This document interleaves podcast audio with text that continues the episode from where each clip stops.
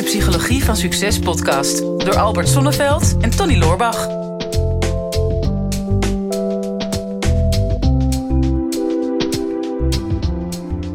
Albert, ik hoor dat je morgen weer uh, landelijke bekendheid gaat pakken. Ja. En dat je gaat uh, verschijnen in de Telegraaf. Ja, in de weekendbijlagen. Um, dat is al de derde keer dit jaar. Dus ik denk dat ze echt een contentprobleem hebben. Als drie keer gaan bellen. Ja, of alleen in het weekend. In een, in een half jaar tijd en sowieso in het weekend. Maar ik vind het sowieso leuk natuurlijk om uh, ja, weer een onderwerp aan te snijden. En misschien heb je al een klein vermoeden waar het over gaat. Het gaat over het zogenaamde C-woord. En ja. uh, het begint met de C en het eindigt op corona. Ja. En uh, ja, de verslaggever die belde me op en die zei... Goh, uh, ja, we krijgen steeds vaker vragen van mensen die zeggen... ja, we zitten nu al zo lang opgesloten in huis... maar uh, met partners vaak of met kinderen... en ik kom niet meer aan mezelf toe. Ja. Dus hoe kan ik tijd maken voor mezelf... Uh, terwijl ja, mensen in diezelfde ruimte zitten? Mm -hmm. Nou, dat, uh, dat vond wel een actuele vraag. En daar heb ik in dat artikel uh, antwoord op gegeven op mijn manier. Ah, ja. En ze waren er blij mee. Toch apart, hè? Dat gewoon mensen dus, omdat ze nu de hele dag thuis zitten... dat ze daardoor eigenlijk geen tijd meer hebben voor zichzelf. Ja. het is heel paradoxaal. Ja. Maar die, die, die coronacrisis denk ja, ergens wil je het er ook niet meer over hebben...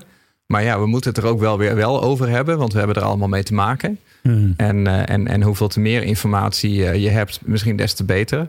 Maar dat betekent niet per se de informatie rondom het virus zelf of dat soort dingen, maar meer gewoon de impact die het maakt ja. op, uh, op je leven. Precies. En er zijn zoveel dingen eigenlijk die, die onduidelijk zijn. Hè? Want we hebben, we hebben dit gewoon natuurlijk nooit, nooit eerder meegemaakt.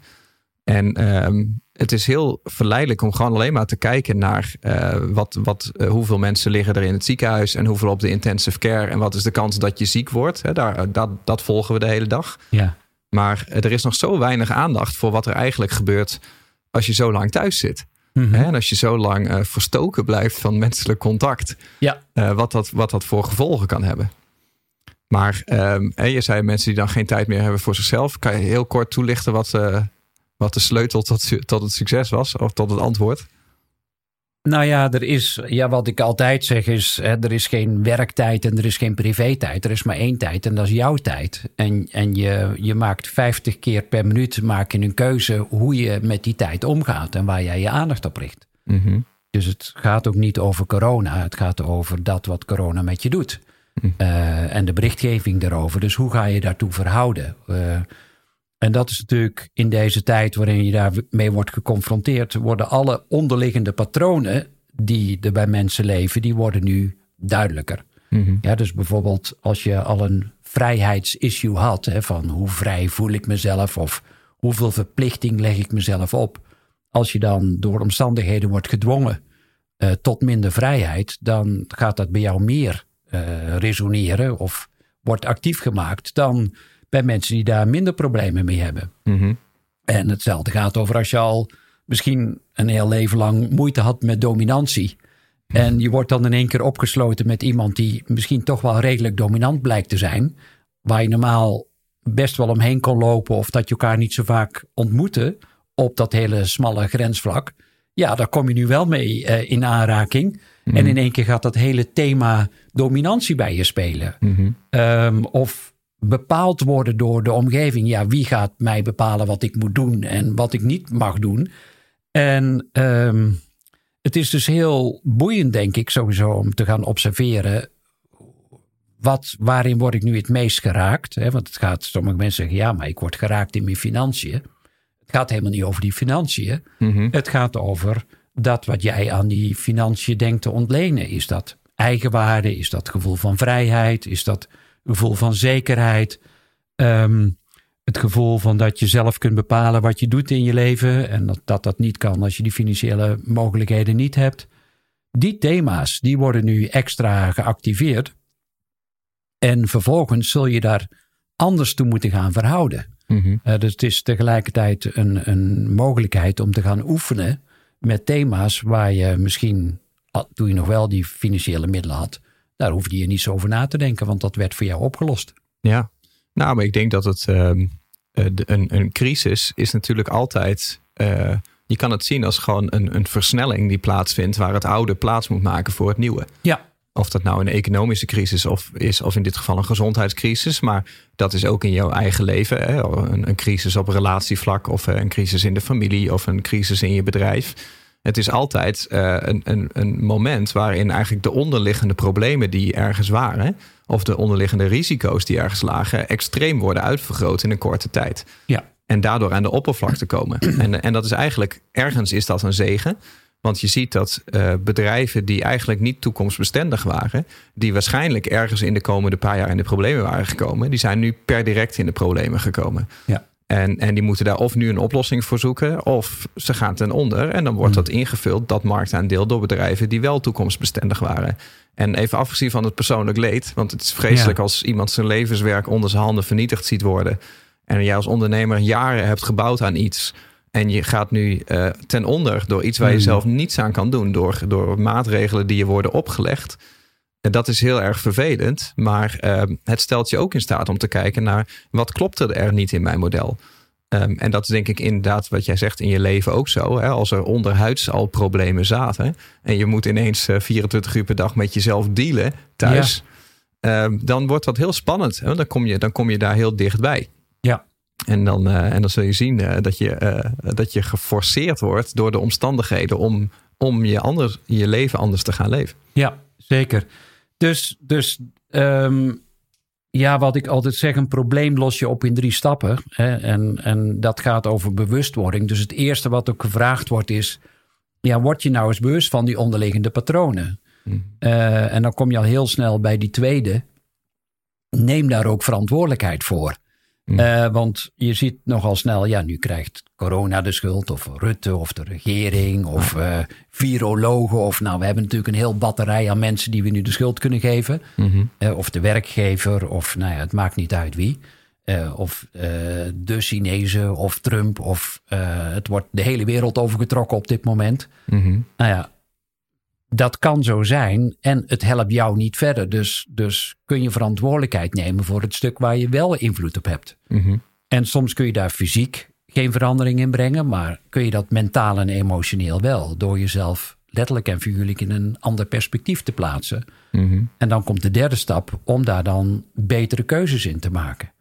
En als je dan zegt, ja Albert, ik heb geen keuzes. Ja, dat heb je nog steeds wel. Hè. Ook al zit je thuis in huis, Mhm. dan kun je, eh, hoe, hoe beperkt die bandbreedte dan ook is, waarbinnen je kunt acteren, zijn er altijd gesprekken die je kunt aangaan, zijn er roosters die je kunt maken, er zijn binnen die hele smalle bandbreedte altijd mogelijkheden die je wel kunt, eh, kunt invullen of kunt gaan aanpakken.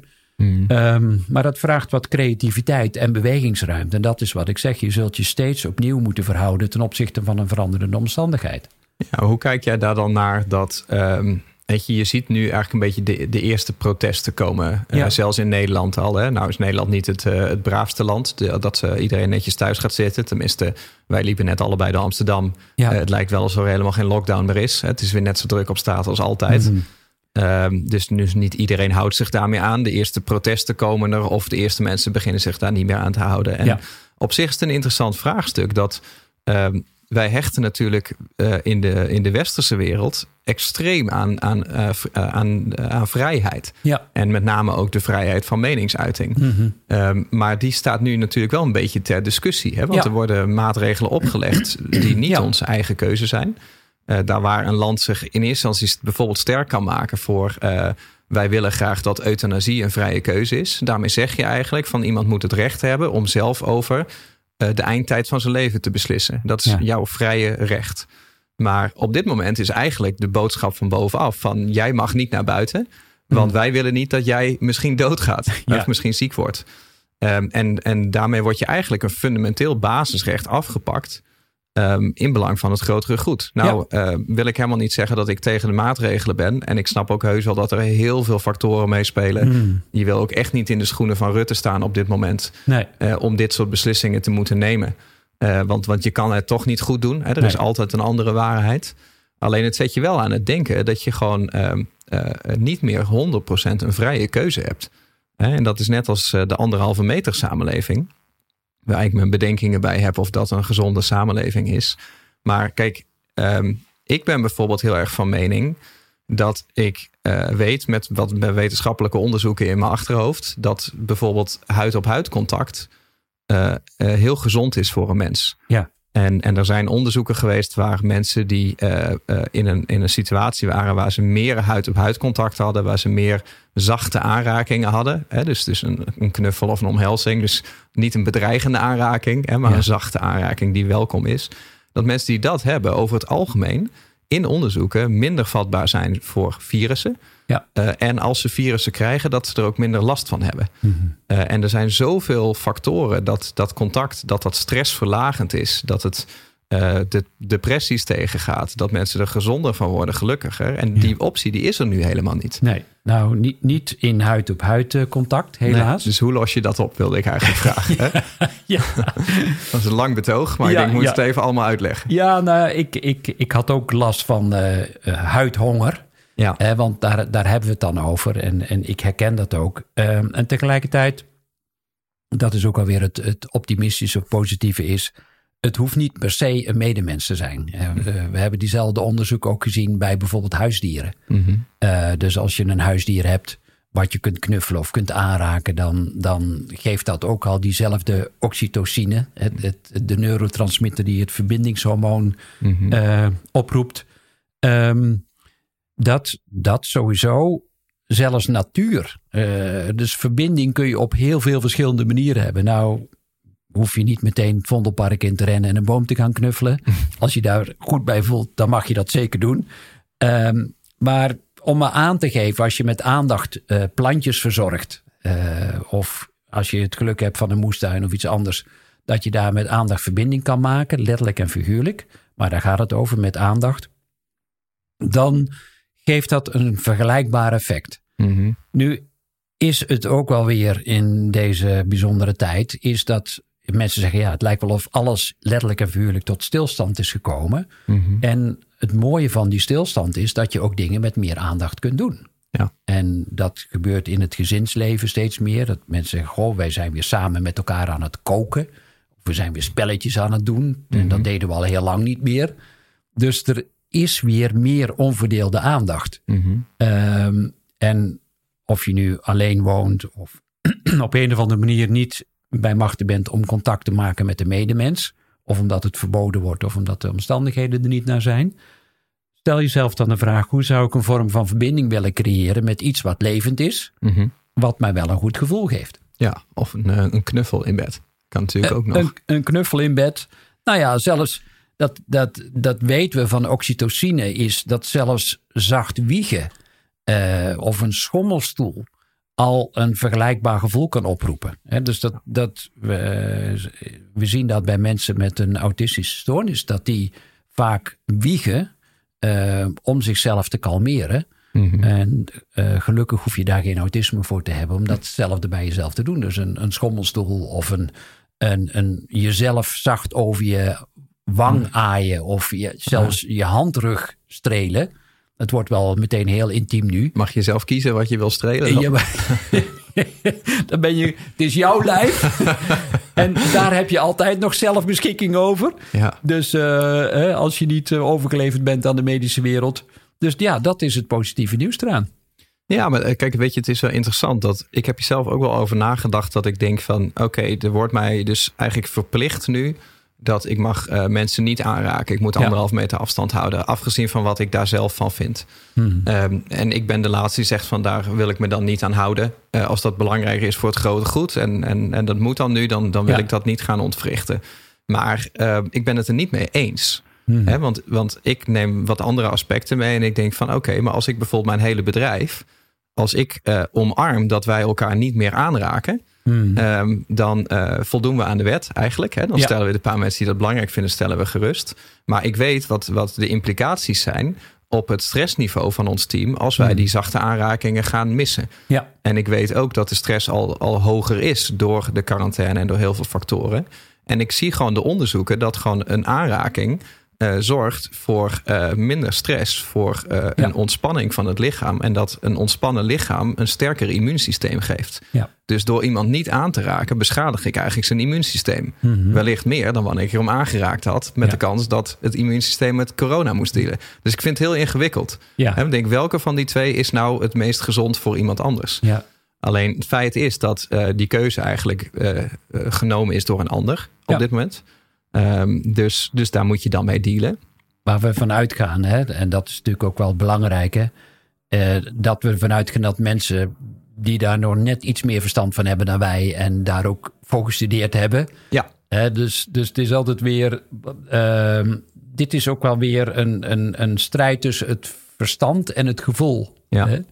De, hè, wat is verstandig? We hebben ook een intelligente lockdown.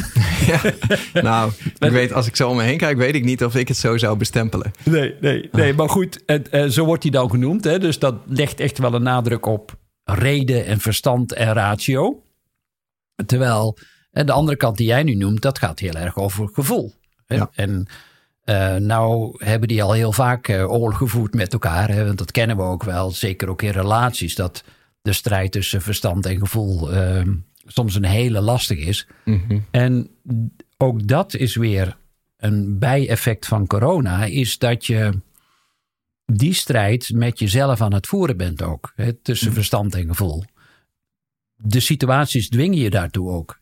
Ja. En dus en dat is ook het wonderlijke van als er zoveel zekerheden zijn eh weggevaagd voor je gevoel. En ehm, je kijkt om je heen en denkt: oké, maar er is, en misschien wel mijn hele leven is er voor mij gedacht. Hè? De, Mhm. de kerk dat nou deed, of de pensioenfondsen, of de banken, of nou, eh, allerlei instituten die dachten voor jou. En we zijn ook in een land leven we waarin er van de wieg tot het graf voor ons gezorgd wordt. Ehm, nu is die zorg wat heel erg nadrukkelijk geworden. Ja, Maar nu wordt het hoe- meer een bemoeizucht. Ja, ja, dat goed. Dat, eh, dat op die schaal. eh, nou, het- de- ik las vorige week een interessant onderzoek. En dat blijkt dus dat heel veel oudere mensen, die zeg maar in de risicogroep behoren nu, die Ja. eh, eigenlijk zich niet aan de maatregelen willen houden, het gros. Die Hmm. wil gewoon naar buiten, die wil gewoon de kleinkinderen zien. En die kiezen er eigenlijk voor van het risico dat ik eh, een terminale ziekte oploop in mijn situatie. Hmm. Dat risico ben ik bereid te nemen als ik maar mijn kleinkinderen kan zien. Dat Ja. is eigenlijk de, de algemene consensus. De meesten vinden dat. Maar eh, heel veel van die ouderen geven aan, ik wil wel naar buiten.